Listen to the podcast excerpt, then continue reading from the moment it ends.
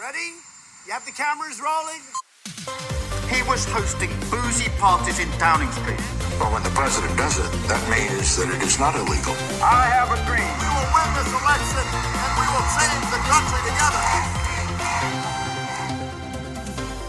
Fifth Amendment, Fifth Amendment, Fifth Amendment. The mob takes the Fifth. If you're innocent, why are you taking the Fifth Amendment? Velkommen. Velkommen, Mitt navn er Sofie Høgstøl, og mitt navn er Eirik Bergesen. og dette er fortsatt vårt nokså uhøytidelige, veldig personlige forsøk på å gå bak ukas nyheter, hvor vi leter etter argumenter, sammenhenger og prøver å se litt inn i fremtiden, på jakt etter det store bildet, slik vi ser det. Hver eneste fredag. Og velkommen, lyttere, for denne uken så kjører vi vår andre spesialepisode. Og den heter Trump under etterforskning. Mm. Og det har han jo for så vidt vært helt siden han eh, stilte til presidentvalg. Og man begynte med dette Russland-sporet, og han var jo en eh, omstridt forretningsmann med omstridte forbindelser til Russland og mange andre steder, og, og det driver man for så vidt å etterforske fortsatt. Men denne uka, Sofie, har vært altså It's been so crazy. Ja, og vi, Altså- vi har jo en spalte som heter Trump Watch, Ja. eh, men det, så dette er jo egentlig en full Full blown Trump watch. Trump Watch. Ja. Og vi, vi tenkte jo forrige uke at å, neste uke, la oss snakke litt om liksom, økonomien igjen. Det, det er så mye som skjer i verden. La oss kanskje se på noen land vi ikke har snakket om før i podden. Uh, og så skjønte når jeg, liksom, når jeg våknet opp til disse nyhetene, at Trump sitt private hjem har blitt ransakt, så var jeg sånn nei. Det blir, vi må bare kjøre We have to go all the way into this. For dette her kommer vi ikke oss unna av.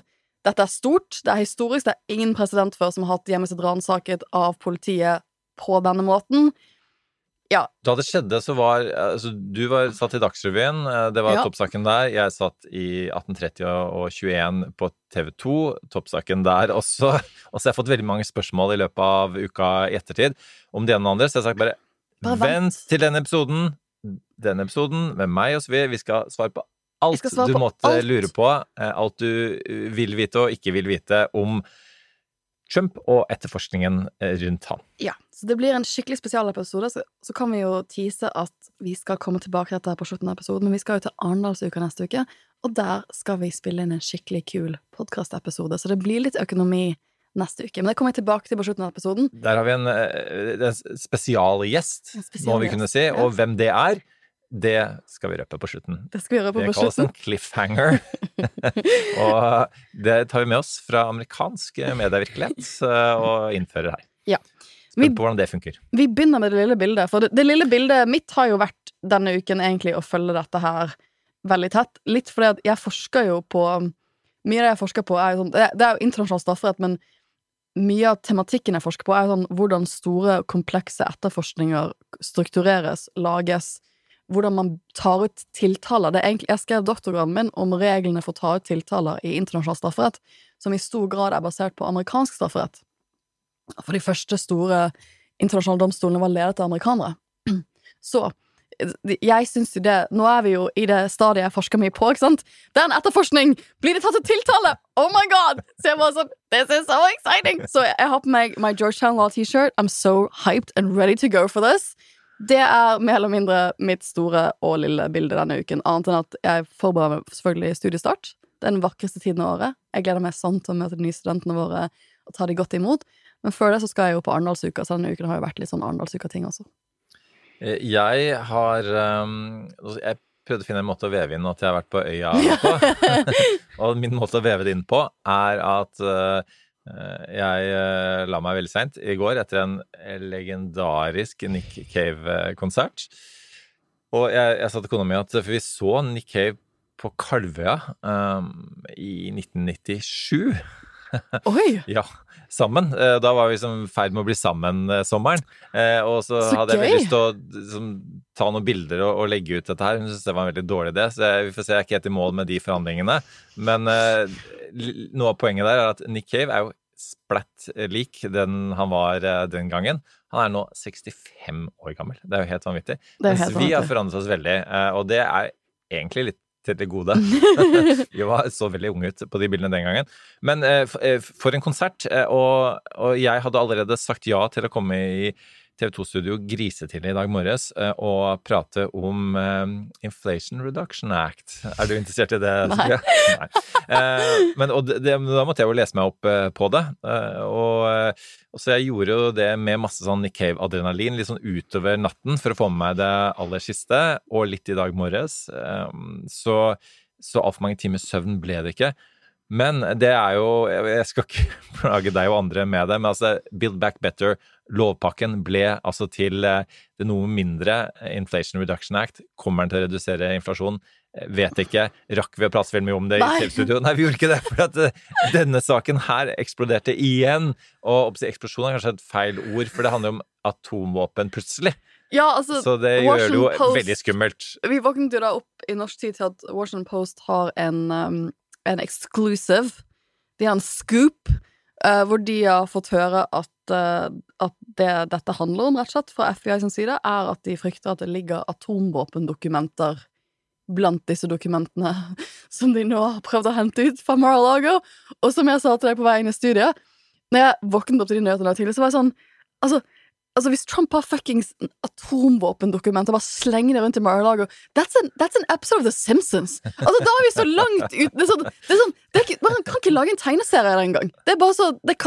For meg er det så, hadde det vært så drøyt at jeg kan ikke Jeg, jeg kan ikke forsone meg at det kan være sant.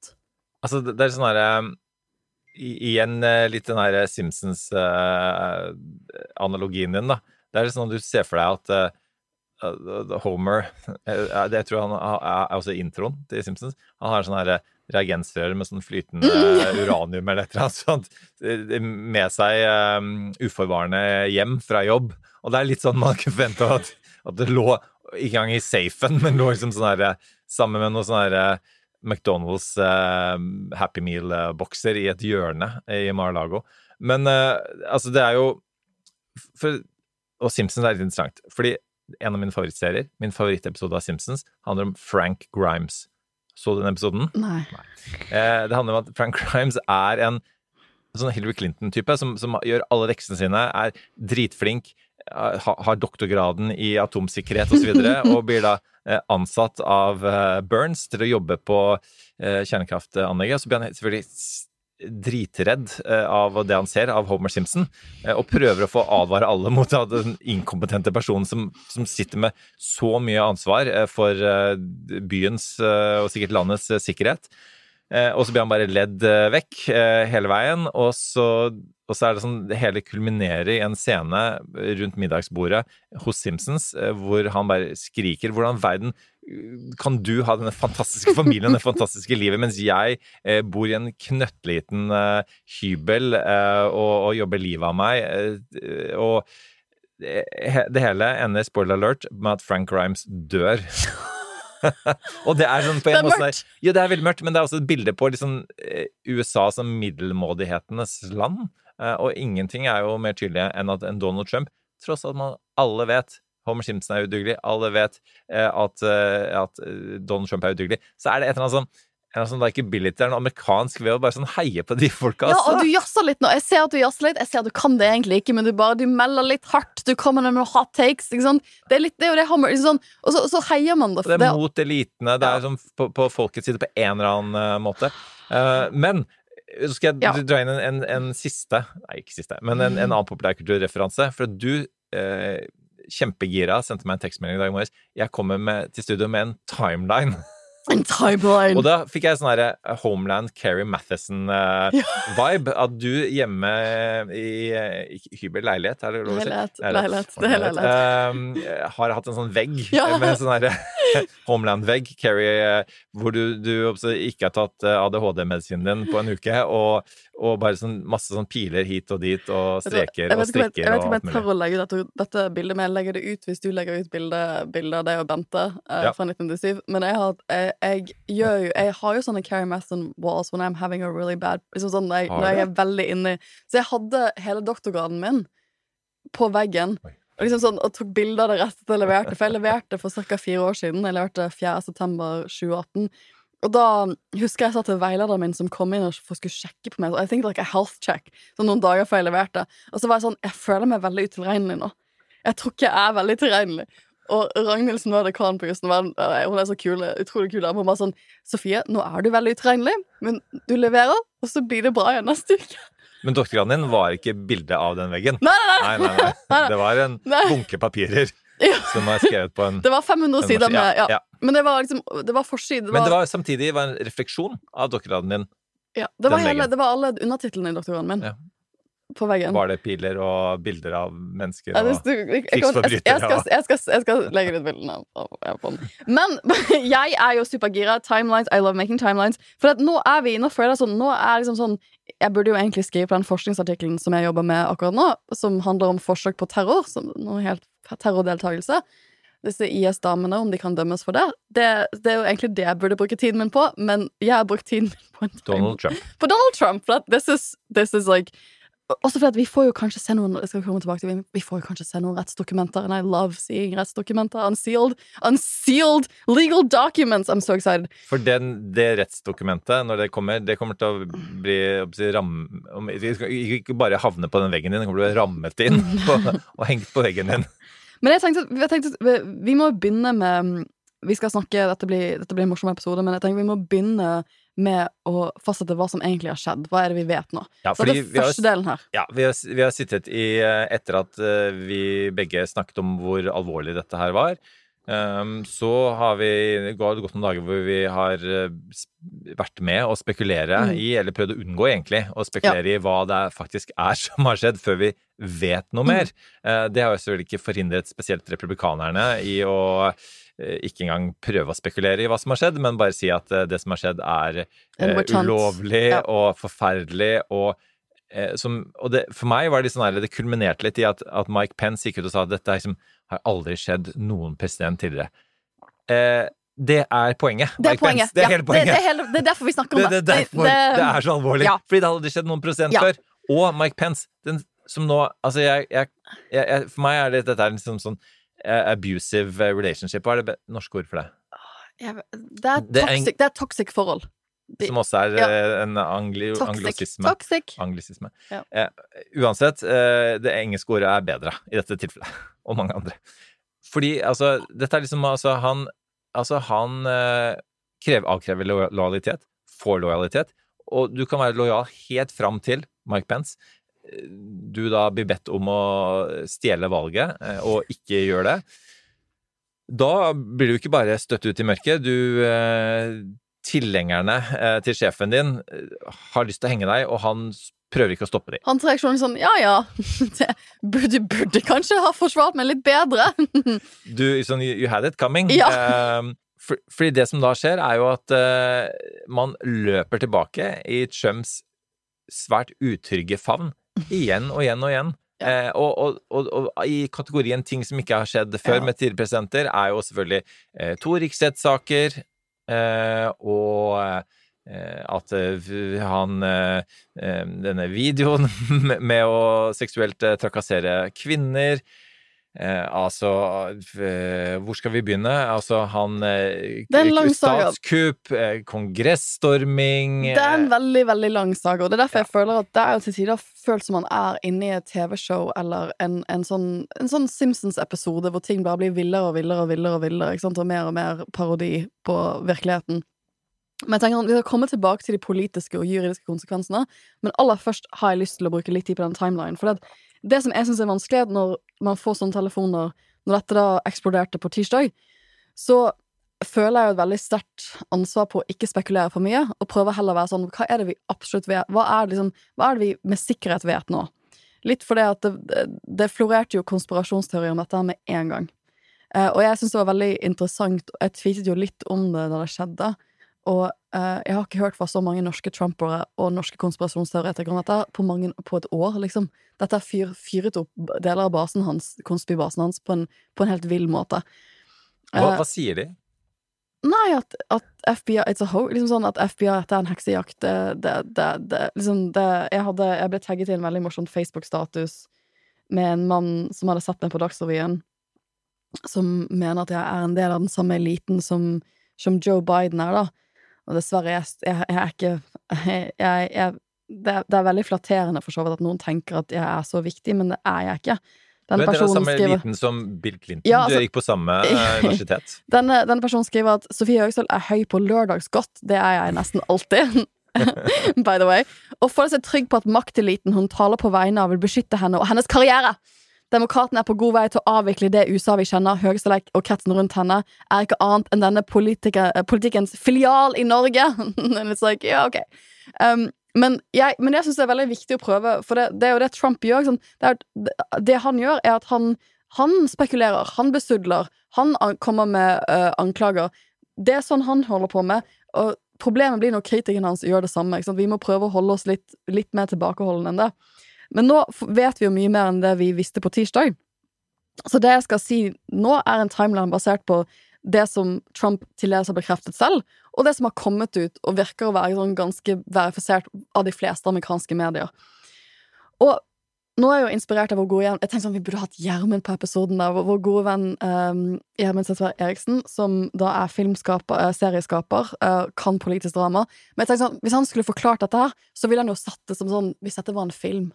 Jeg sånn, hvis dette var en film, så ville prequelen de første scenene du ser for å bli kjent med karakteren og skjønne hva som har skjedd, der, det ville jo vært eh, det ekstremt vanskelige forholdet Trump har hatt fra dag én, med egentlig he- taushetsbelagt informasjon, og med eh, folk som jobber med national security, altså etterretningstjenesten sin. Det var en av de store dramaene av hans presidentperiode. Det startet veldig tidlig, og det startet med at han um, har møte med russerne på sitt kontor ganske tidlig i presidentperioden sin, og uh, en amerikansk president kan velge selv å declassify something. Det, er en makt de har. Men han velger da å gi russerne ekstremt sensitiv, gradert informasjon, uh, basert på topphemmelige kilder de hadde i antageligvis israelsk eh, etterretning. Ja, for det var ikke engang hans egen Nei. informasjon å gi Nei. vekk. Det er israelerne om IS, og, de russerne det er snakk om, er jo altså den russiske utenriksministeren.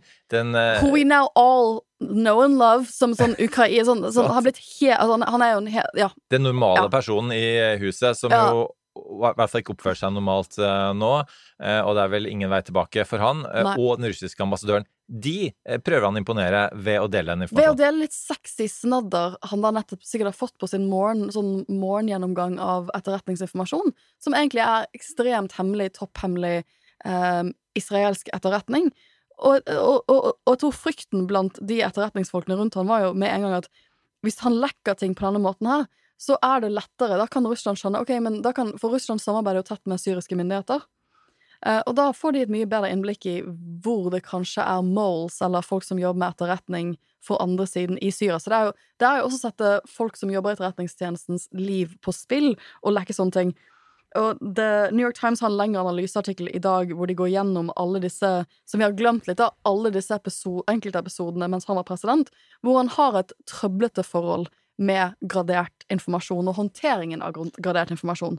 Og her kan vi jo eh, smette inn eh, at eh, en av tingene som gjorde at han vant valget, var jo at han skapte et inntrykk av at Hillary Clinton var skjødesløs med Ja. gradert informasjon. Ja. Kunne fordi ikke stoles på hun hadde en, en eh, privat e-postserver eh, som hjemme eh, hos seg i hjemmet sitt. ja, og som var, som var State Department godkjent, mm. men som, som, som var en La oss si en, en type gråsone. Det var omdiskutert allikevel. Og, og hun ble satt under etterforskning. Hun ble ikke Ja. raidet hjemmet hennes. Nei. Men man gikk litt nærmere og se hva det dreide seg om. Hun ble frikjent på alle mulige punkter. Men Trump, eh, av alle ting han eh, sa i den forbindelse, var blant annet at eh, hvis du er under etterforskning av FBI, så, har du, så har du, burde du ikke bli Ja, president. Eh, og en hel rekke andre ting som har kommet for å bite han i baken nå. Du kan ikke forstå seieren hans i 2016 mot Hillary Clinton uten å forstå den EPO-saken.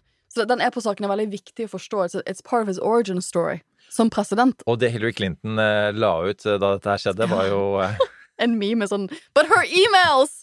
But her emails. Eh, og, og, og det hører også med til Du er du som er eksperten på dette, men det er jo en, en, en uformell tese i amerikansk politikk at man skal jo ikke drive med politietterforskning av presidentkandidater for tett opp Eller mot et presidentvalg. Man kan ikke gjøre offentlige handlinger som fører til at det kan påvirke valget. Og det er jo mange som mener at Comey gjorde det, den daværende FBI-direktøren, da han gikk ut og så et frifant Hillary Clinton, men også kjente på henne og sa at liksom det var Hun var eh, Altså hun, hun, burde, hun burde agert forskjellig. Var, liksom, han, han, han, han var kritisk til måten hun håndterte på. Det kom ut rett før valget, og mange mente at det bygget opp om dette narrativet om at Hillary Clinton ikke kunne stoles på, sånn generelt sett.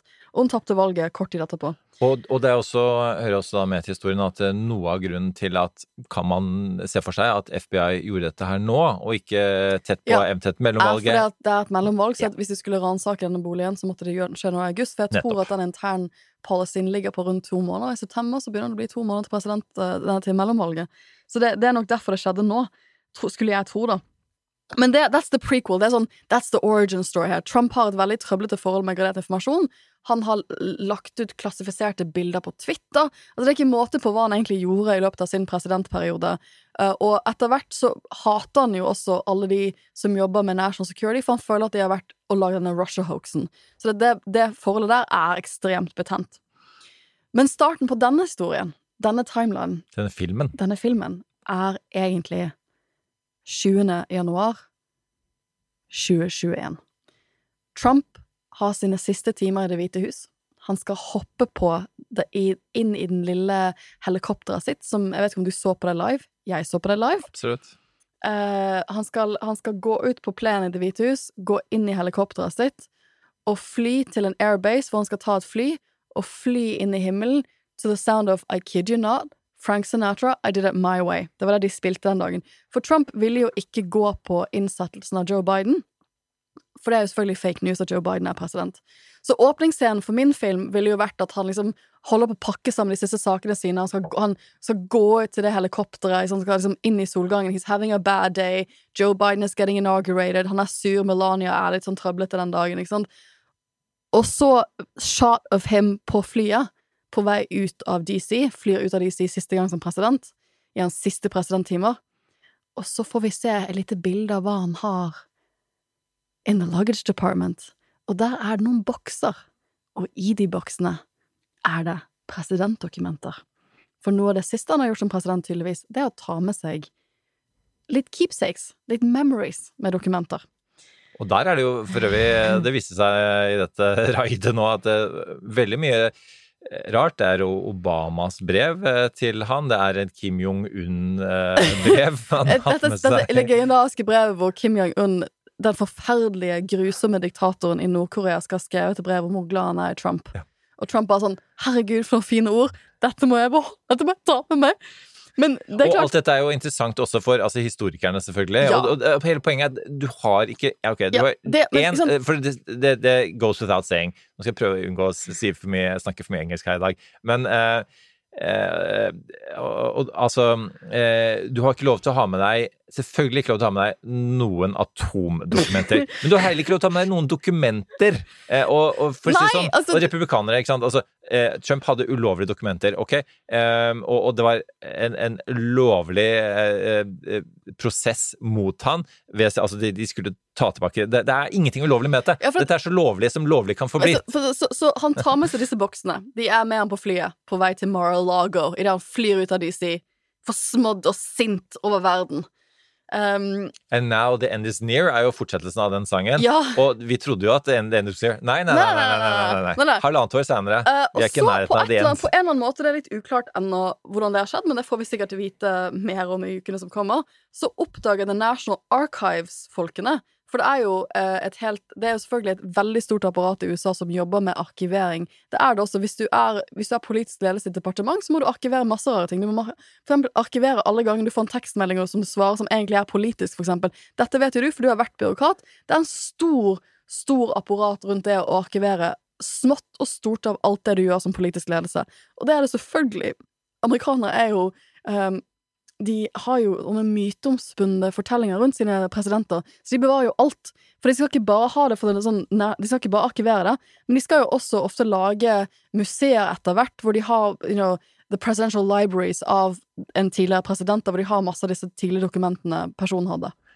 Ja, du, du sa det selv, Sofie, at eh, mine, min befatning med dokumenter eh, Her skal jeg komme med en tilståelse. Mm.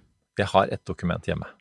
Ja, et UD-dokument hjemme hos meg. Eh, jeg eh, har forventet å bli raidet i mange år. Jeg bare våkner hver morgen og tenker jeg puster lett ut, og jeg ikke blir raidet i natt heller. Eh, det dokumentet det er ikke hemmelig.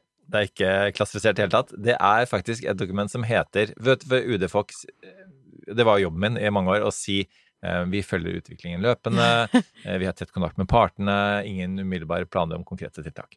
Den sitter i fortsatt. Eh, og, og, det, også, og det er sånn man, man, man, sier på TV, og så sier man det internt, men, men det havner jo ikke i, i, dokumenter. Jo da, det var det som ble en pressemelding med tittelen Eh, vi følger utviklingen løpende.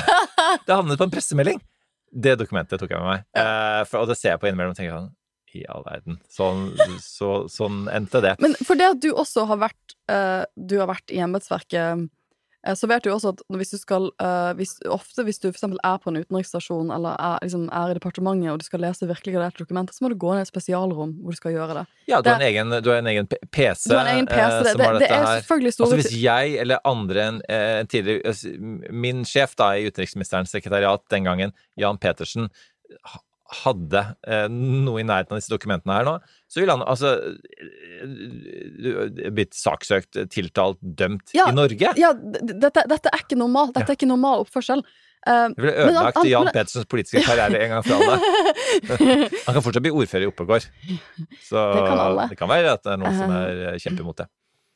Men han tar med seg disse dokumentene, og så oppdager folkene i The National Archives på et eller annet tidspunkt, som da antageligvis jobber med å arkivere hele presidentperioden hans. Det, det, er det de begynner med å gjøre etter han har forlatt Det hvite hus. De skal arkivere dette, de skal sortere ting. Og da oppdager de nok at en del ting som Igjen, hvis han har tatt med seg for eksempel Kim Jong-uns brev, så er jo det en type ting de oppdager at det ikke er der. Det er ikke veldig sånn, det ikke sånn Hvis det er sånne type ting de har tatt, så er det så klart Da er det en Vet, jeg hadde jo tenkt, Hvordan har de oppdaget dette? Og da, da er det åpenbart for meg. Ja, selvfølgelig, da har de, Dette vet de eksisterer. Eh, og da begynner en langvarig dragkamp mellom de og presidenten. For etter The Presidential Records Act så kan du ikke gjøre dette. Nå skal det sies, dette er sånn juridisk Nå, nå, nå går vi inn i sånn mer juridiske spissfindigheter. But the Presidential Records Act det er ikke utgangspunktet straffbart å bryte den. Det er ulovlig. Sånn. Det er en del lover som du blir ikke Du havner ikke i fengsel for å bryte det, men det er et lovbrudd. Det, det kaller vi at bestemmelsen ikke er straffesanksjonert. Så The Presidential Records Act kan du bryte uten at det har noen store konsekvenser. Liksom som språkloven i Norge. Hvis en UiO ikke skriver ting, nok, ting på nynorsk, så det, de blir ikke straffet for det, liksom, selv om det er imot den norske språkloven. Men da, eh, da oppstår en lengre dragkamp som har pågått om lag et år, da, for han tar med disse dokumentene januar 2021. Eh, Og så får vi vite ut ifra det som har kommet frem i det New York Times. For New York Times hadde en veldig god artikkel rett før Merrick, justisministeren holdt pressekonferanse i går, som, er, som, hjalp meg mye med den timelinen, Ma som Maggie Harberman har vært med på å skrive. Vi, vi stoler på Maggie. Hun er jo en av de som virkelig har ekstremt gode kilder innenfor Trump-verden. Mm. New York Times-journalist uh, som har fulgt han i alle år. Ja, så liksom, Når jeg ser at det er Maggie, og det er, liksom, det er en del sånne, så tenker jeg sånn Ja, dette er high, high. Dette er sånn This is good shit. Men da da, og dette har jo blitt Dette har de skrevet om før, så dette, er for så vidt ikke ny informasjon. Men eh, arkivmyndighetene og Trump krangler om dette om lag et år, og så på begynnelsen av året i år så henter de ut 15 bokser. Det er, det er resultatet på den dragkampen frem tilbake. Og dette har New York Times skrevet om før, så dette visste vi egentlig. Det vi ikke visste, og det, eh, det er jo det som er grunnlaget for denne saken, denne ransakingen som vi eh, har vært vitne til denne uken, angivelig da, eh, det er at eh, de stakkars arkivfyrene De har sikkert den mest sexy uken de har hatt på jobb. Det, det, jeg antar at det er ikke så mye sånn sexy ting som skjer når du jobber med for arkivmyndighetene i USA, men det å pushe hver en dragkamp med Trump og måtte hente ut disse boksene, det er litt sånn, det er litt sånn spenning i hverdagen. da men så åpner de boksene, og her, er da, her siterer jeg fra en New York Times-artikkelen til Maggie, hvor de skriver at In the box was a mash of papers along with items like a raincoat and golf balls according to people briefed on the content. The National Archive tried for months after Trump left office for å få dette ut, og så åpner de det opp, og så er det liksom mye rart, da. Men ikke sant? Så, så står det sånn When the archivists recovered the 15 boxes this year, they discovered several pages of classified material. For de bare sånn De finner golfballer, raincoats, mye rart mashed up liksom, dokumenter. Men så finner de også ting som de tenker sånn Shit, dette ser veldig gradert ut. Og de skal jo heller ikke De er ikke nødvendigvis den myndigheten som skal oppbevare masse gradert ting. Det er jo andre instanser som gjør igjen. Og da er de sånn Shit, hva gjør vi nå? Så de tar rett og slett og tar kontakt med Justisdepartementet og sier sånn Vi har funnet at det, det ser ut til å ha vært gradert informasjon her. FYI. Og da Og, liksom, og så liksom, Og så mistenker da myndighetene, og det er veldig sånn Trump, da, at de har ikke fått alle boksene. Disse boksene de har brukt et år på å krangle med Trump om å få, fra Mar-a-Lago, det var ikke alt. Og de mistenker at han rett og slett har løy, lyger. Og bare, han bare sånn Nei, men det var bare 15 bokser! Og så er det litt sånn Og de, de antar at de mistenker det, for de har fortsatt ikke funnet alt. ikke sant? Det sånn, De har gått gjennom de 15 boksene, så er det fortsatt ting de mangler. Og så er det litt sånn You know, where's the rest? Trump? Trump lyver om alt mulig annet. Ja. Så at de mistenker ham for livet, det er jo Det jeg liker at det står liksom bare New York Times-artikkelen But official later came to believe that additional classified materials remained at Mar-a-Lago. Så de, for det, de kanskje, da, dette vet vi jo ikke ved sikkerhet, men at de kanskje da ikke har funnet for eksempel dette brevet fra Kim Jong-un, som jeg antar også er ganske Det er ikke noe man bare veiver rundt, liksom. Uh, og da blir jo Justisdepartementet koblet på januar-februar, da, hvor disse arkivistene bare sånn 'Vi har funnet gradert informasjon, vi vet ikke helt hva vi skal gjøre med dette.' Og vi mistenker at Trump ikke har vært sannferdig om at det bare er disse 15 boksene, at det er mer greier som han ikke vil gi til oss, og vi vet ikke helt hva vi skal gjøre. Og stakkars Justisdepartementet sånn, «Ah, for, for, fuck's sake, liksom. Fuck's sake, liksom. Hvor vanskelig liksom. Du er under alle disse andre rare etterforskerne. Vi jobber med storming av Kongressen. We've got real shit going on. Og så har du You've like taken do like classified documents from the White House. Må vi virkelig jobbe med dette? Men de begynner å jobbe med dette. De tar, og det, nå er vi liksom inn i Nå, nå begynner vi å nærme oss uh, nåtiden. De begynner å jobbe med saken. De har kontakt, uh, og det var det denne uh, New York Times-artikkelen i går handlet om som var store nyheter da, før, Mar Mar det, før disse nuclear Det sånn Det, det drukner jo når det kommer så mange andre avsløringer. Men en av de kritikkene som kom fra mange republikanere på da, rett etter ransakingen hadde skjedd, var at jo, jo, men hvorfor brukte ikke Justisdepartementet lettere måte Hvorfor brukte ikke mer skånsomme metoder for å få disse dokumentene? Du går ikke bare inn og fuckings raider uh, Trump. Og det er jo det som New York Times skriver om i går, at de skal ha prøvd å stevne til seg disse dokumentene. Justisdepartementet skal ha sendt en sånn formell stevning, hvor de krever å få disse dokumentene tilbake. Um, uh, og, det, og, og det er nok der det har vært noe krøll, for de får jo ikke disse dokumentene tilbake. Nei, det, ehm, Det er og- subpoena the document, som det heter på engelsk. Eller stevnet Stevnet, dokument. Ja. som det heter på norsk. Mm. Men eh, altså, de har jo åpenbart eh, prøvd å få disse dokumentene, og, og det er som eh, justisministeren sa også, de har ikke lyst til å gjøre dette her. Nei, de gjør ikke dette her hvis ikke de må vi kommer gjøre det. vi er ikke der i Nei, timeline nei, vi- vi- jeg skal hoppe, jeg skal ikke hoppe dit, men poenget er bare at mitt Vi- er bare at de, de, har prøvd, de har prøvd Og det, det var egentlig eh, og han, han, eh, han eh, ville ikke gi de, eh, og, og, så, så det er på en måte Fordi igjen, ah, i den grad han Altså, han ser jo ikke alvoret i det, i, i beste fall. Nei. I beste fall. Nei. Ja. Uh, så de, de stevner han, uh, og vi vet ikke helt hva som skjer, hvordan de svarer på den stevningen. Men så kommer FBI i juni, da, eh, antageligvis i løpet av sommeren, slett, på besøk til Mar-a-Lago to inspect the situation. Og da er det fortsatt rimelig god stemning. Trump kommer visst innom, det står i den New York Times-artikkelen. Liksom, Trump liker jo liksom, Det er ofte sånn han prøver å gjøre Han prøver å sjarmere folk som etterforsker han. og sånne ting. Så han kommer innom personlig for å hilse på disse, disse stakkars FBI-agentene som er der for å sjekke om han har gradert dokumenter. Og så viser de det i rommet, liksom. Sånn, de vil se hvor det er oppbevart. sånne ting da. Uh, og så får de beskjed om Det tror jeg det var The Wall Street Journal, som er en mer sånn konservativ avis, som, som skrev om først tidligere i uken at de, de, reaksjonen på den, eh, det lille besøket er at får, Trump får beskjed om at eh, du må sikre disse dokumentene i sterkere grad. Det kan ikke liksom ligge og henge oss Dere må liksom put a padlock liksom, Dere må sikre den informasjonen på en bedre måte. Så de får et brev om å gjøre det. Og så er det jo, og det her, her er litt av stridstema, for jeg tror Trump-barna føler at å ja, men vi samarbeidet jo, ikke sant. Dere var på besøk hos oss, vi hadde en dialog. Why the fuck you gotta go Gotta go come with the popo, the FBI, liksom, og ransake oss? Liksom, we, were, liksom, vi, vi jobbet sammen. Og det er det mange republikanere har sagt, at liksom, ja, men de kunne jo altså, De trengte ikke å ransake, det, er så- det, er så- det er så nedværende. Men et eller annet kan vi si har skjært seg mellom myndighetene og Trump i denne perioden, i disse stukene, hvor de da føler for at de må gå til dette steget, hvor de går til full ransaking. Ja, og så må må injisere også her, da. Eh, nå, nå sa du ransaking, og så brukte vi ordet eh, raid i stad, begge to. Ja. Eh, og, eh, og, og det er, hører med til historien at det er jo Trumps versjon Ja. av det hele. Eh, Og her var det jo nok flere medier eh, også i Norge som var sånn skyldige i gåseøynene Mm. i å på en måte bruke hans narrativ på dette. Fordi at eh, nyheten Mm. kom jo først fra Trump, eh, fra Truth yeah. Social. Hans, The best place for news! hans sosiale medier-kanal, som bare han bruker, men som andre finner Trump-stoff og sender videre i andre kanaler. Men og dette med For det var jo strengt tatt ikke et raid. Det høres jo ah, Ikke bare raid, det var, de var under siege, ikke sant? Ja, ja. Altså, hva blir det på norsk, da? Nå sliter vi i dag, altså, med språket.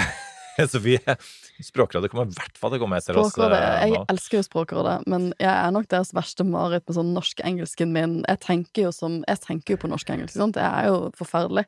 Men eh, og, og, det Altså, at det på en måte er en eller annen eh, at, at altså han, han, fi- han fikk det til å høres eh, enda verre ut. Det hørtes ut som sånn Waco, Texas. At, at, at det var omringet av FBI. At de kommer med liksom masse våpen og bare Ja. sånn ram sånn der, De har sånn der og døråpner-sledge-greier og bare sånn FBI! Og så bare sånn stormer de hele greien. SWAT-teams. SWAT-teams, eh, ja, ja, sånn- Firer seg ned Ja.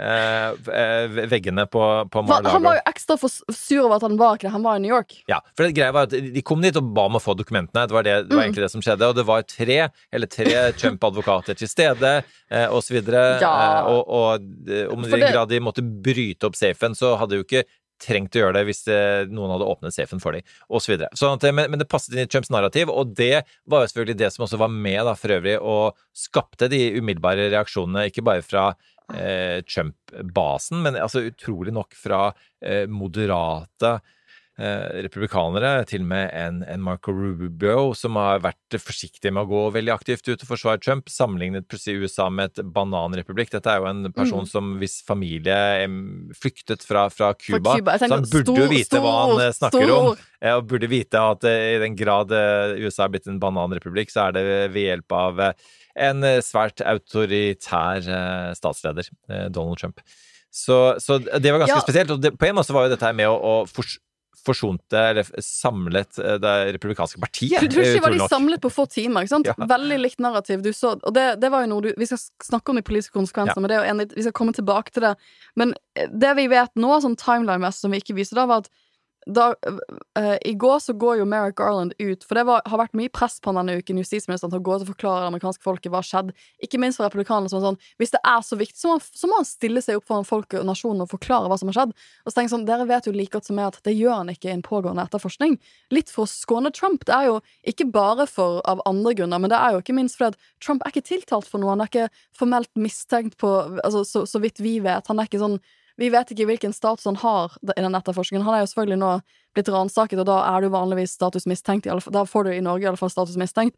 Men, men da, du har jo fortsatt en del menneskerettigheter i en straffesak, og det bryter jo litt med de hvis justisministeren personlig går ut og bare sånn 'Ja, jeg har gjort sånn og sånn og sånn', og sånn.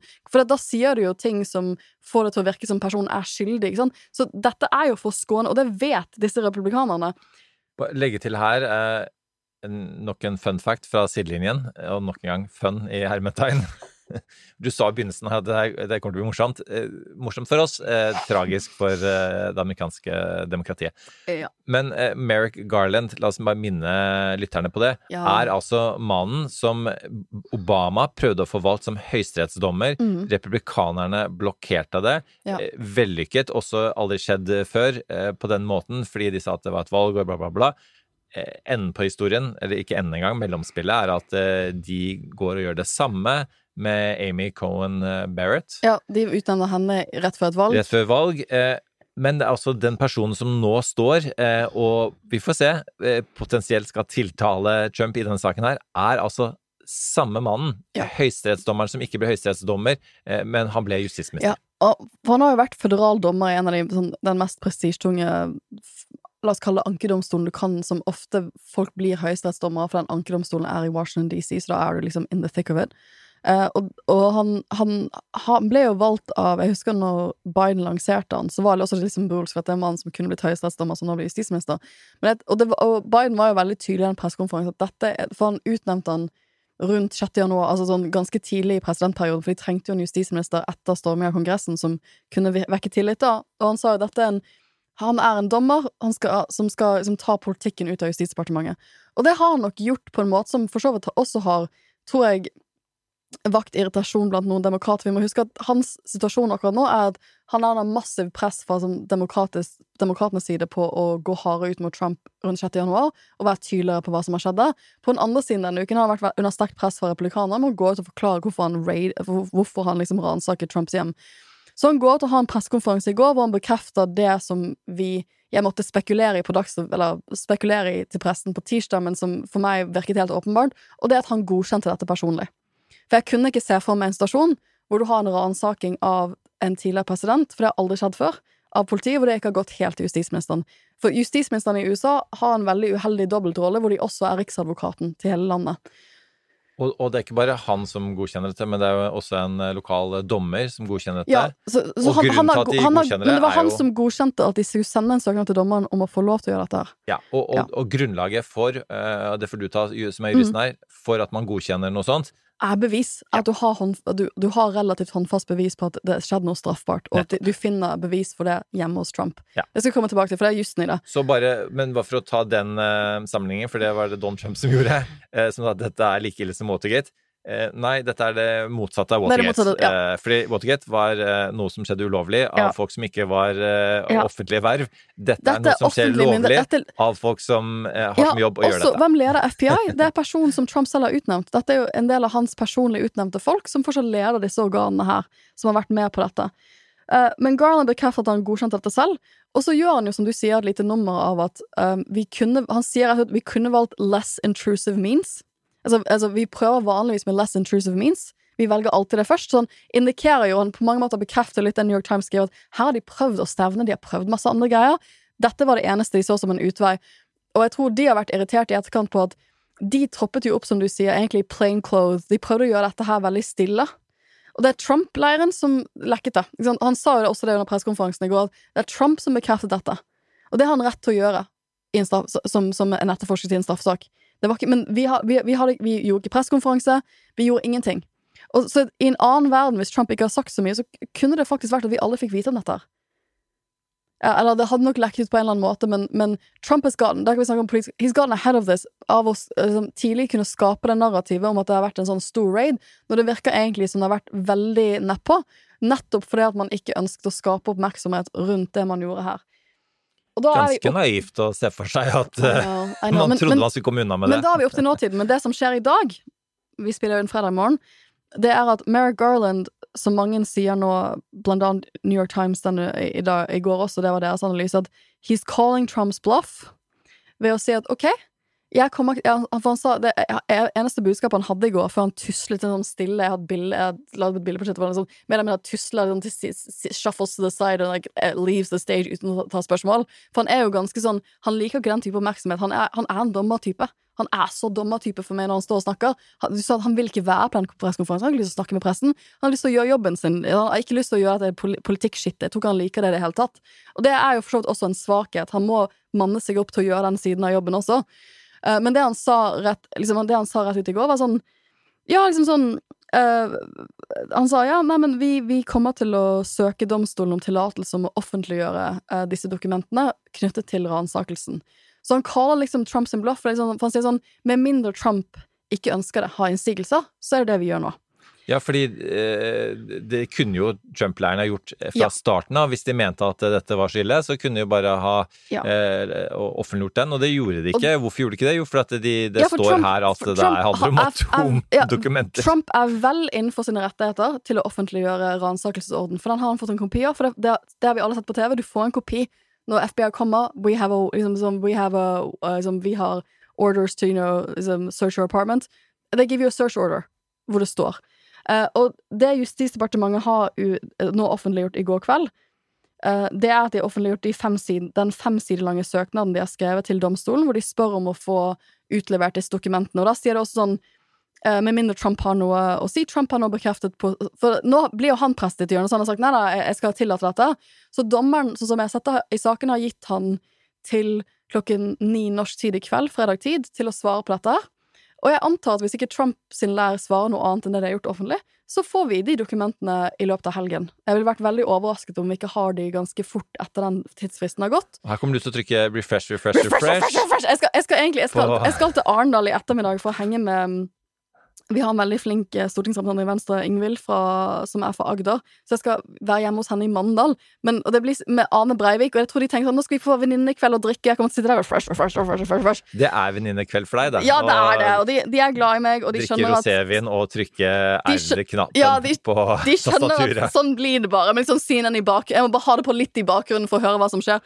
Men det er for øvrig det eneste amerikanske ordet som ikke lar seg oversette her, refresh, for det er jo det man bruker på Ja. også. Så er- der er du frikjent, det, eh, den siste Skyldig på alle punkter ellers. Det er den siste punktet på timelinen. Jeg kommer selvfølgelig til å legge til en liten analyse av disse dokumentene når de kommer, men det jeg synes er interessant, er at når jeg har lest disse fem sidene med rettsdokumentene, så, så sier de akkurat hva de ønsker at domstolen skal offentliggjøre. Og det første de ønsker, er at de skal eh, release the search warrant signed and approved by the court. Så de skal liksom, de skal rett og slett gi ut the warrant, altså denne ordren for ransakingen. Og jeg som strafferettsforsker, det er ikke så ofte jeg får se sånne ting, så jeg er jo, jeg vil vite hvor, hvor detaljert er de, for at som vi, som, som vi sa, at for å kunne få en sånn ordre, så må du gå til en dommer med en del bevis, hvor du må kunne bevise at det er probable cause, eller skjellig grunn, til å tro at noe straffbart har skjedd, og at du finner bevis for det hjemme hos Trump. Eh, og da eh, lurer jeg på liksom, hvor detaljert dommeren er liksom, i å skrive ut liksom, ja, Men de, de må iallfall spesifisere hva de ønsker å søke etter.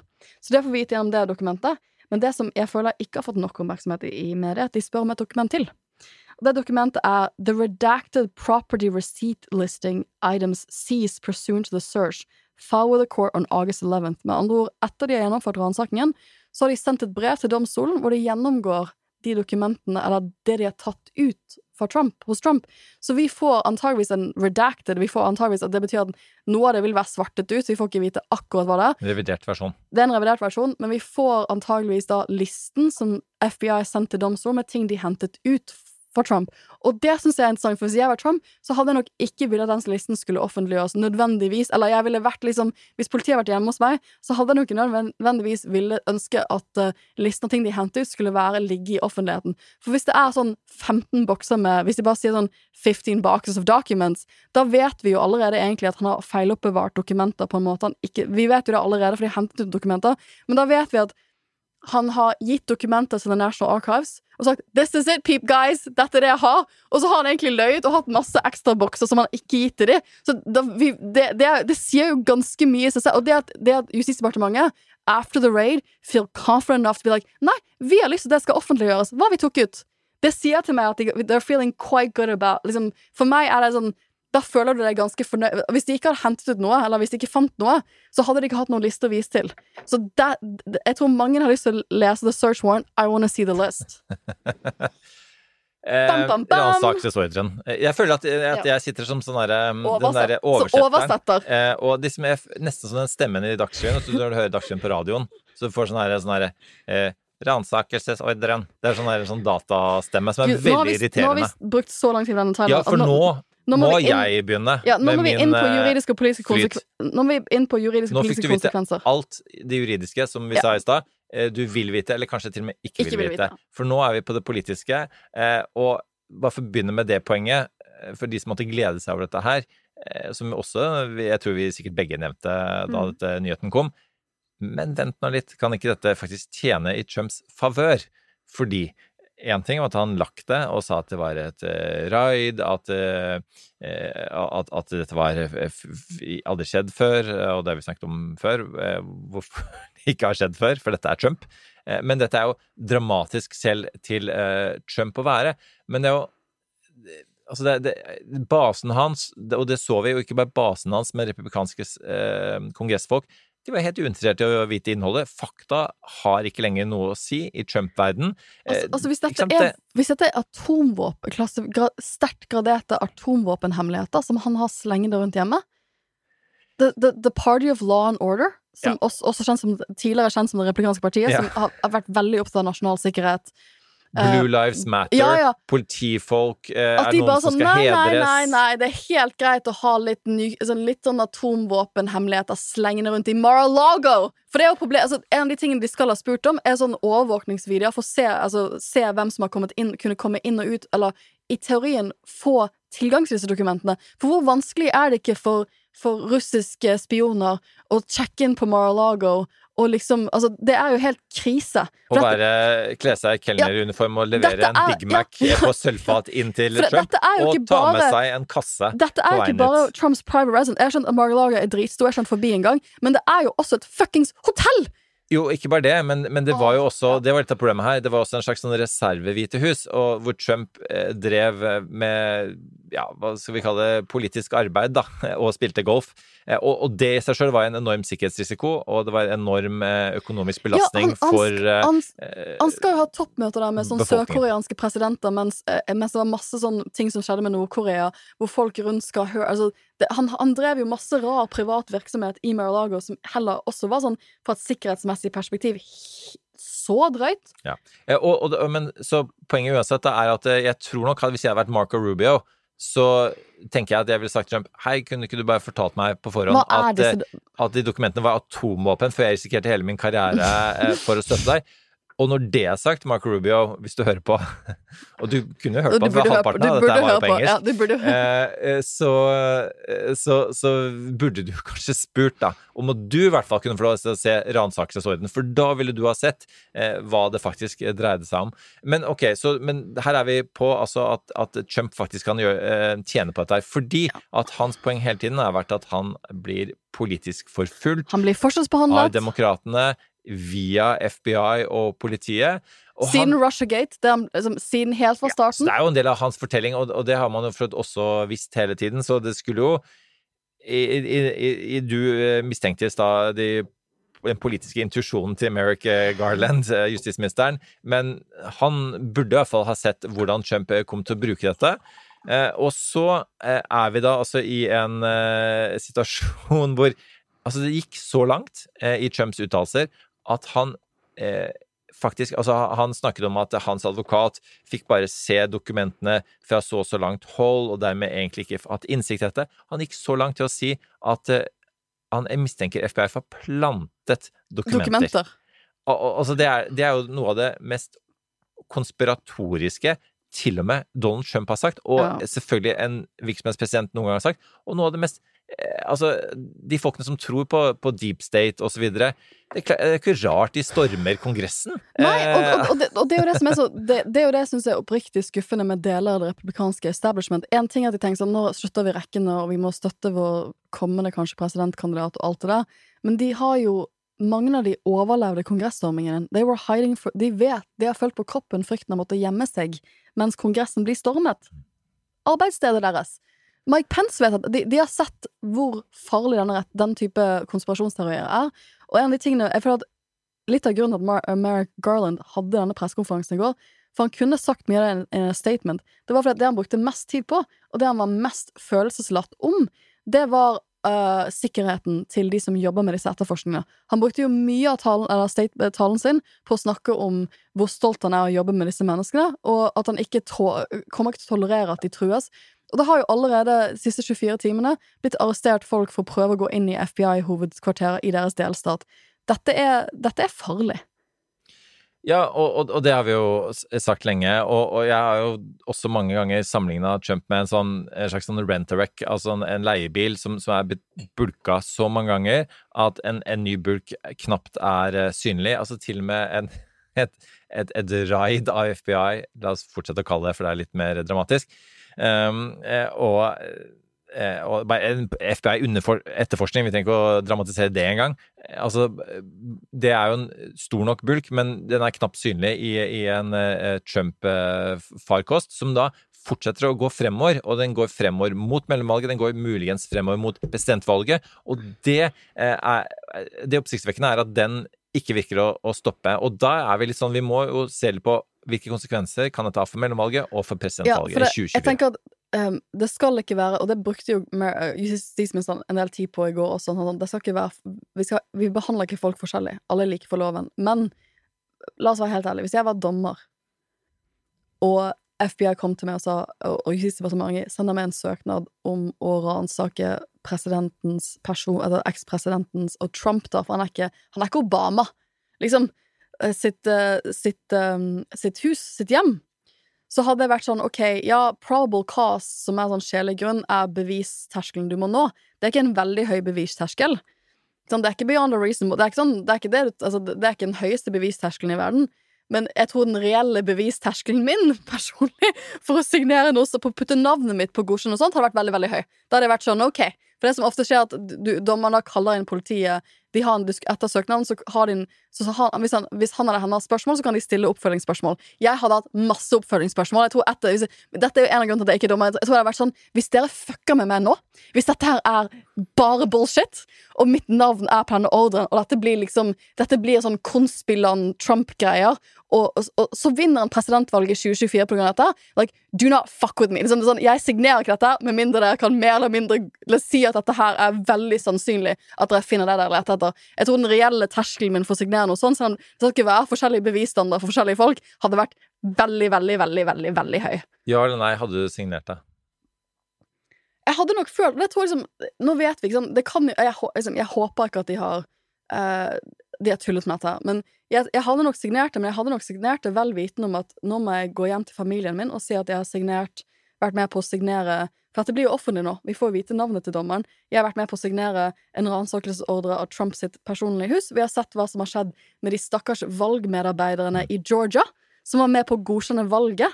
De har fått dødstrusler, de må bo med politivakter. Jeg beklager, men dette er en del av jobben min. Fikk, det var jeg som fikk denne saken inn i dag. Det var min tur å ha vakt, for dommer har ofte vakt, og så får de alle de ransakelsesordrene. Så det er bare en stakkars tilfeldig dommer som har fått dette. Jeg beklager. Dette kan medføre at vi må ha politivakt en periode.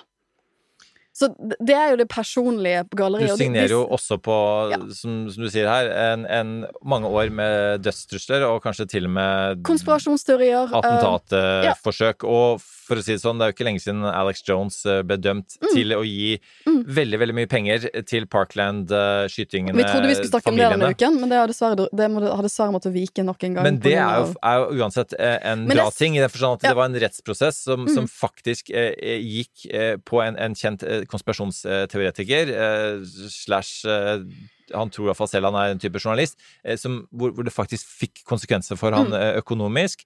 Og, og, man, og man kan jo igjen, dette er jo disse tingene tar lang, lang tid, og dette vil ikke skje i dette Nei, tilfellet. men, men en av de scenene for, nå, for jeg, har sett, jeg har sett litt av den rettssaken mot Alex Jones, og en av de scenene jeg husker best, som liksom har gått rundt som et sånn klipp på YouTube, er at um, han som er eh, advokat for eh, de foreldrene til disse barna som ble skutt, han sier sånn Ja, nei, stemmer det ikke at du har eh, Når du gjorde sending forrige uke, eller et eller annet sånt, at du la ut bilder av dommeren i denne saken hvor hun brenner, liksom?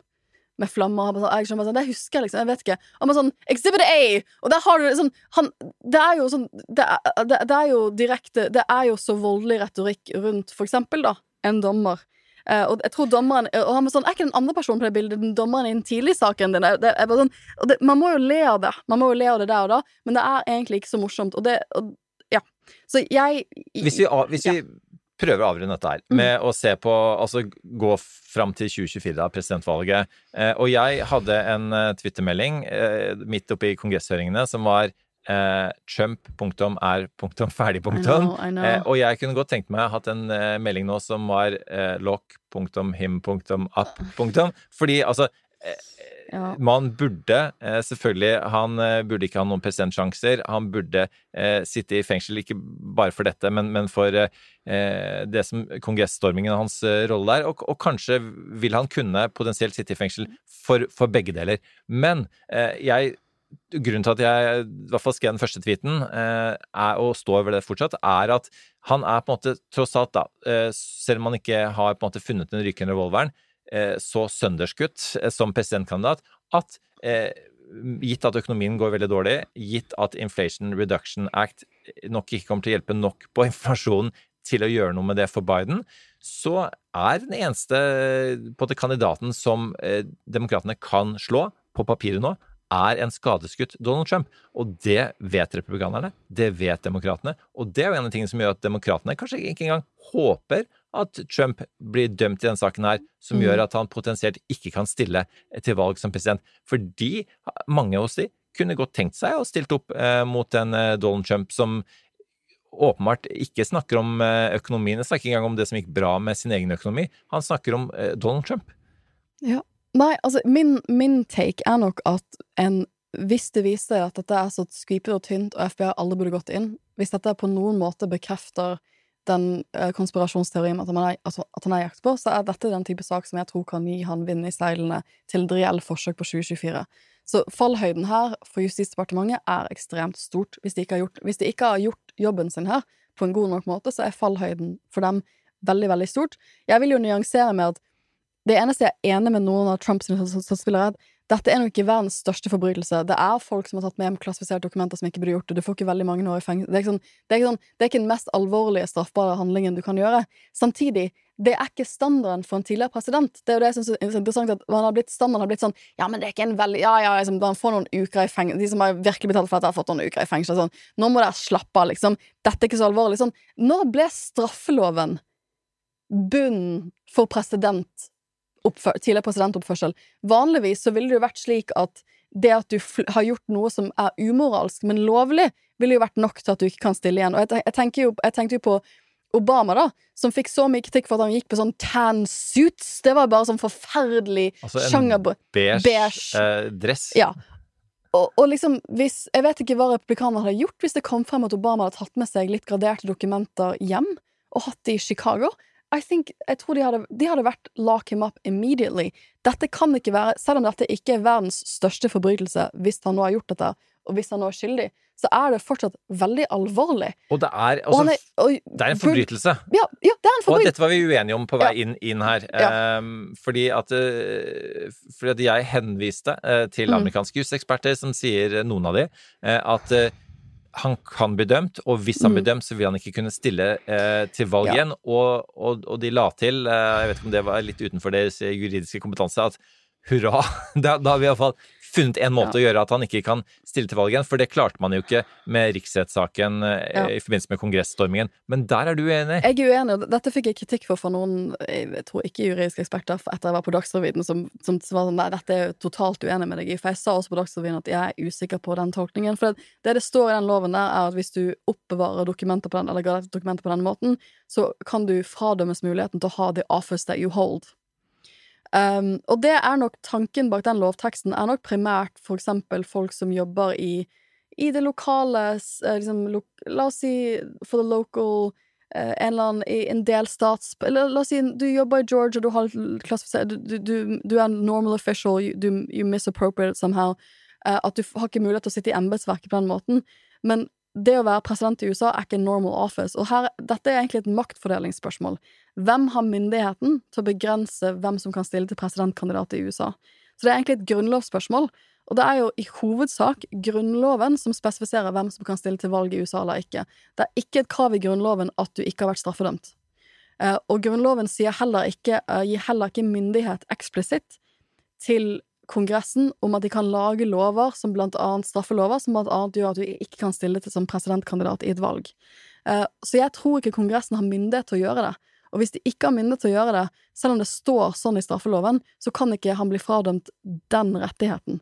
Så dette er, hadde jeg vært, dette er jo sånn, hadde jeg vært professor i amerikansk grunnlovsrett, så dette vært et sånn tydelig, typisk eksamensspørsmål. Sånn opp, altså første oppgave, det er jo masse førsteårsstudenter som begynner nå på jussen i USA akkurat denne uken her. Og dette har vært sånn perfekt sånn for intro week to constitutional law. Kan, man, kan denne loven her fradømme president Trump muligheten til å stille til gjenvalg? Jeg tror svaret på det, mitt analyse av det, er at det har ikke Kongressen tillatelse å gjøre i Grunnloven. Uh, Presidentembetet er en annen gren, en, det er en, det er en utøvende myndighet. Da kan ikke bare lovgivende myndighet komme og lage en sånn lov. Da må de i så fall endre Grunnloven før de kan gjøre det. Så jeg tror ikke han kan bli fradømt muligheten til det. Vi kunne hatt en lang samtale nå om at jeg mener, jeg er litt sånn pr prinsipielt også enig i at man ikke uten videre skal kunne fradømmes den type mulighet, men det kan vi komme tilbake til en annen dag. Men jeg tror den eneste positive nyheten for Trump, det er at på tirsdag så var det jo veldig mye frem og tilbake sånn Er det bare disse dokumentene For da visste vi ikke så mye om disse dokumentene. Sånn, er det bare disse dok den dokum den rare dokumentgreia, eller er, har dette noe med 6. januar, eh, altså kongressstormingsetterforskningen, å gjøre? Som virker- Eller eller forretningsvirksomheten hans. ja, eller for, liksom, har dette, er dette egentlig et link i en større etterforskning av Trump? Um, og i og med at vi får vite Nå får vi jo vite det en gang for alle, i alle fall hva de har fått tillatelse å ransake i denne omgang. Jeg tror at mye nå peker på at dette handler om disse dokumentene i første omgang. Om det er noe mer på gang Det er jo manningsparallell etter etterforskninger her, så vi vet ikke hvordan de kommer inn i spill. For denne uken har Den største nyheten denne uken burde jo vært at han har vært ø, under avhør av statsadvokaten i New York. Ikke en straffesak, men en sivil søksmål, for han skal ha snusket lik. Han skal rett og slett, det han skal ha gjort, er at han, han skal ha angivelig Eller de mistenker at han har gått til banken og søkt om lån og sagt at oh, my properties be worth so much for å få bedre lånbetingelser og mer penger for banken og sånne ting, så har han inflated uh, Altså, han har sagt han eier mer, altså de har vært mer penger enn det de egentlig er verdt. Uh, og det Trump gjorde under dette han har ikke, Dette har vært en lang dragkamp for å få han til å sitte seg ned. Han har blitt stevnet, han har blitt tvunget, en, han har prøvd å klage inn til domstolen, og dommeren har sagt nei, du må stille opp i dette avhøret der. Så han stilte opp i denne deposition med henne. And then he's pled the fifth like a hundred times. Han har sittet i fire timer og sier sånn I plead the Altså, jeg svarer ikke på dette. Ja, og for, eh, eh, Jeg liker at nå har du gått over til å oversette deg selv, Ja. men Plead the Fifth den trenger faktisk en, en litt mer eh, nærmere oversettelse. Altså, du, du, får, du forbeholder deg retten til å tie, Ja. fordi du vil ikke Du har at- the fifth amendment i den amerikanske grunnloven, og der sier det at du har rett til å ikke selvinkriminere deg selv. ja, Og det betyr, at, det betyr at i møte med offentlig Det har du jo også i Norge. Den, eller vi tolker den inn i retten til, til Vi tolker den inn i uskylds, uskyldspresumpsjonen som står i grunnloven vår. At du er rett til å bli behandlet som det er uskyldig. Og det betyr også at du ikke kan tvinges av myndighetene til å inkriminere deg selv. Altså Du kan velge å ikke svare når politiet stiller deg spørsmål, eller andre myndigheter stiller deg spørsmål på den måten. Og nå- vi- Og det er en menneskerettighet. Så det, jeg, jeg støtter Trumps at han utøver menneskerettighetene sine. Jeg heier han på det. Men dette er da mannen som har sagt at if you plead the fifth, så er du skyldig. Altså, nå håper jeg virkelig ikke Donald Trump hører på denne podkasten her, for nå har du gitt han eh, et lovgrunnlag i begge de rettssakene han står overfor nå. Eh, eh, Du gir han en redningsplank til å komme seg ut. Dette er som, som en sånn Vi ja. baufil eh, bakt inni en kake som du leverer til eh, Trump i fengsel. Eh, Vi skal runde av, og jeg, jeg har lyst til å runde av på den måten, eh, nemlig ved å si at eh, det at Trump, av alle, forbeholder seg retten til å tie Altså, hvem hadde trodd? Nei, det, det og ja. hvorfor gjorde han ikke før? Det hadde spart oss alle veldig det- mye hodebry. Ja. Og av mannen som på innpust og utpust han, eh, forsvarer seg selv, nå har slutta å forsvare seg selv, er jo eh, både veldig bemerkelsesverdig og eh, veldig befriende. Det er veldig ja, deilig å slippe men, å høre men på. det, sånn, det var noen som spurte meg om å kommentere jeg sa sånn, «Nei, det betyr at han endelig har begynt å høre på advokatene sine. For det har vært Trumps advokat, så det har vært sånn Du må tie stille. Ti stille. Du, bare, du sier ingenting. Du bare sitter der og så sier du ingenting. Det er den eneste jobben du har. Altså, Det hadde vært den største jobben min hvis jeg var advokaten hans, er å bare få han til å ti, holde kjeft i møte med alle offentlige myndigheter. Og er det noen som eh, sliter med å holde kjeft rundt disse tingene her, så er det, Så oss, er det oss. ja. Eh, men det skal vi nå langt. gjøre. Eh, f- Vi og nå har dere fått, som, som lovet, alle irrganger i saken, Mm. sånn som den står nå. Men som Frank Sinatra sang, eh, By It My Way, The End Is Near. Men er ikke der helt enda, verken i denne saken eller når det gjelder Trump. Vi kommer tilbake til Trump, eh, dessverre. For nå skal vi på ukas av- og påkobling. Og da, eh, Sofie, for dette snakker vi om på telefonen Vi eh, begynte å snakke om TV-serier vi, vi fulgte, og så viste det seg at begge to følger litt sånn der eh, FBI eh, rettssalsdramaer eh, i TV-serieformat. Eh, og så vi fant ut at vi skulle ha hver vår anbefaling her. Mm. Jeg følger eh, en serie så vidt begynte å se på Apple Pluss. Den heter Blackbird. eh, Og den er skrevet av noen av disse her The Wire-forfatterne. Og Mm. Mystic River-forfatterne. Og, jeg vet at din anbefaling, skal røpe, har også, er skrevet av noen av de samme folkene. Absolutt. Men det handler rett og slett om en eh, forbryter som, og det røper ikke for mye, for at dette kommer frem veldig tidlig, eh, velger å gå inn i et fengsel eh, for å eh, Altså, han er, sitter i et annet fengsel, velger å gå inn i et høysikkerhetsrisikofengsel for å prøve å få en, en verre forbryter da, til, til å prate, fortelle hvor han har eh, gjemt eh, likene eh, i en mer alvorlig kriminalsak. Og, og det er nesten sånn, slo, det slo meg, at, eh, at eh, Tenk om, om FBI har en sånn greie med å nærmest å forfølge Trump for å gi han muligheten til Hei, du kan, som i Blackbird, eh, slette alle dine eh, Du får amnesti. ja, amnesti, gir amnesti for e- evig og alt. alltid. Eh, ved at du får ha på deg en eh, lydbåndopptaker og får Putin treffer Putin, får han til å innrømme eh, at han brøt folkeretten ved å gå inn Ja, eller, i eh, eller lurer Putin ut til tredjeland hvor han kan bli kidnappet og sendt til Haag. Faktisk! Faktisk. Det, Det er jeg med på. Ja. det, som eh, lokal dommer, det hadde du blitt med på. Ja. Det hadde du underskrevet på. Jeg sånn, yes. Din serie, Min serie er We Own The City, som var Gjermund eh, Når vi hadde Gjermund på podkasten før sommeren, så var det også hans anbefaling. Den kom ut for noen måneder siden, men jeg har ikke hatt tid til å se den nå. Den er av noen av de tidligere serieskaperne bak The Wire, og er basert på en, en bok om dette, er, så, dette følger noe som skjedde i virkeligheten. Vi er fortsatt i Baltimore, så det er litt morsomt, for du har noen av skuespillerne fra The Wire som dukker opp i så Den er ganske Jeg mener jo at The Wire er noe av det beste som har blitt laget på TV. Det I- Ja, Sammen med West Wing. Klarer ikke å velge.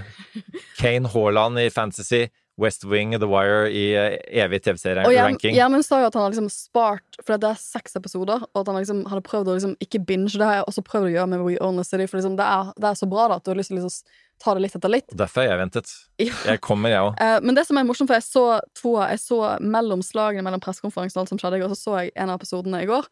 Um, og nå er jeg på nest siste episode, og det som er interessant med det, du følger jo en FBI-etterforskning etter hvert da, inn til det som er det korrupte politiet i Baltimore. Og det som er spennende fra sånn, denne ukens perspektiv, er at du får jo se hvordan de- jobber i en ordentlig sak som dette. eh, på å innhente ja, nok bevis. Det er en scene i en av episodene hvor de møter med en dommer for å få overvåking, tillatelse til å overvåke deler av politiet. da. Eh, det er samme type ordre som en ransakelsesordre, samme type krav. Og Da ser du de, hvordan, hvordan den interaksjonen med dommeren er. Eh, så hvis du har sånn, lyst til å tenke sånn, hvis, det, hvis du har lyst til å sånn, få en sånn smakebit på hvordan det må være å jobbe med FBI-saken til Trump, så føler jeg sånn We Own The City er litt sånn Du får en smakebit på hvordan, hvordan, de, jobb, hvordan de rett og slett jobber med å bygge den type kompleks straffesak, som også da handler egentlig om å etterforske sine egne. Utrolig bra. Perfekt innsalg, og nå tror jeg man på en eller annen sånn her eh, nettside vil få sånn her De som hørte på det store bildet, Ja. så også på We Own The City og Blackbird, eh, Mm. fordi det så tett henger disse tingene sammen. Eh, Så det er vanskelig å se for deg at hvis du har kommet deg helt hit i den podkasten, at du ikke gir en av disse eh, seriene en sjanse. Men altså, man må vie litt tid til dette, for dette er eh, eh, monumentale serier. Ikke minst alt som har med David Simon å gjøre, som skapte The Wire, og som jo er tidligere krimjournalist i Baltimore Mm. Sun, og dermed en person som vet veldig godt hvordan Ja, han har, skrevet, denne serien, denne We Ja. Honest, så det, det, det er skikkelig bra. Og med det så skal vi gi oss, men før det så, så hadde vi lovet en cliffhanger. La oss se hvordan det kommer til å uh, funke. Fordi, eh, og eh, poenget med cliffhangers er at det må være reelle cliffhangers. Det må faktisk være Mm. eh, så attraktivt som det du forespeiler. Og det mener jeg at det er, fordi vi skal eh, på Arendalsuka. Da skal vi gjøre en veldig kul eh, Det store bildet eh, sammen med Rederiforbundet. Ja. Eh, En live sceneshow på Ja, torsdagen. Det blir så gøy. Eh, det blir kjempebra. Da skal vi gjøre det på en måte det vi vanligvis mm -hmm. uh, gjør her. Vi skal- Og vi skal til og med oppsummere ja, både halvåret og, og sommeren, ikke minst. Vi skal Eh, jazze opp publikum og gjøre de klar for partilederdebatten som kommer ja, etter oss. Et lite forspill til partilederdebatt. hvis du er på Arendalsuka, du finner det på programmet hvis du bare søker opp eh, det store bildet. Det ligger på programmet til Arendalsuka. Vi håper at du kommer og ser på oss. Og så skal vi gjøre noe som vi aldri har gjort før. Vi skal gjøre et eh, aldri så lite samarbeid, eller et aldri så stort samarbeid, fordi eh, En mashup! En podcast mash-up. Den første vi er med på. Her trenger vi det engelske ordet, for mashup er, er en god måte å si det på. Vi skal eh, rett og slett samsende med ingen mindre enn Petter Stordalen og hans stormkast, som man har med Per Vallebrok. Vi skal lage en Vi, skal, vi har kalt det Den store podkasten. vi skal prøve å svare på iallfall det som vi eh, hver for oss uh, syns blir viktig da, eh, i 2020-årene, som ble Ja. kalt mulighetenes tiår. Hvordan skal vi lande politisk eh, og økonomisk? Økonomisk, ikke minst. Og jeg, jeg er veldig spent på å høre uh, hvordan en mann som Petter Stordalen navigerer disse økonomiske tidene vi er i nå. Eh, som er noe vi alle tenker på mye nå som det kanskje blir dobbel renteheving igjen i Norge i uken som kommer. Så det er de store spørsmålene, og jeg, dette blir kjempegøy. Ja, og som eh, Stordalens folk allerede har sagt, faktisk, at eh, husk å spørre han eh, om eh, du har jo hatt et sugerør inn i offentlige midler i eh, pandemien. Hvordan klarer du deg å avvenne deg med det? Mm. Og det er jo i et mikrokosmos det alle nordmenn eh, jeg og mange bedrifter er i den situasjonen. Så Petter Stordalen, hvis du hører på nå, så blir det én eh, av eh, noen kritiske spørsmål du får, og det tror jeg du er forberedt eh, på. Ja, så jeg er veldig spent på å se hvem av oss som kommer til ordet. Når oss tre skal prøve å snakke over hverandre. Det blir veldig gøy. Vi Det blir i hvert fall ikke Per Vollebrokk, eh, stakkars Per, hvis du hører på nå. Så gjør alt du kan for å albue deg eh, rom. Mm. Eh, vi gleder oss. eh, En del av lytterne våre er der, en del av lytterne våre er ikke der. Det skjønner jeg også godt. Mm. Så vi skal, vi skal prøve å komme med litt oppsummeringer av hva som er blitt sagt der nede. For det, på mange måter er jo det et, en sånn et, et, det, er, det er altså det er et For å si det sånn, det er ikke Nå skal jeg prøve å forsvare Arendalsuka. eh, at det er jo ikke eliten som er der, i den forstand at det, er all verdens organisasjoner mm. eh, på alle mulige nivåer. Det er det norske sivilsamfunnet som er der, eh, og i den grad det er eh, Og det er mange medlemmer, vanlige medlemmer, og så er det en del som jo selvfølgelig leder disse organisasjonene, men de leder det på vegne av medlemmene. Så et sånn kjendiskalas er det i hvert fall ikke. Vi gleder oss veldig. Tusen takk for at du lyttet på denne lange episoden om etterforskning mot Trump. Jeg har en følelse at vi kommer til å sveipe inn dette temaet igjen. Og ha en fantastisk helg og fortreffelig kommende uke. That's enough. Put down the mic.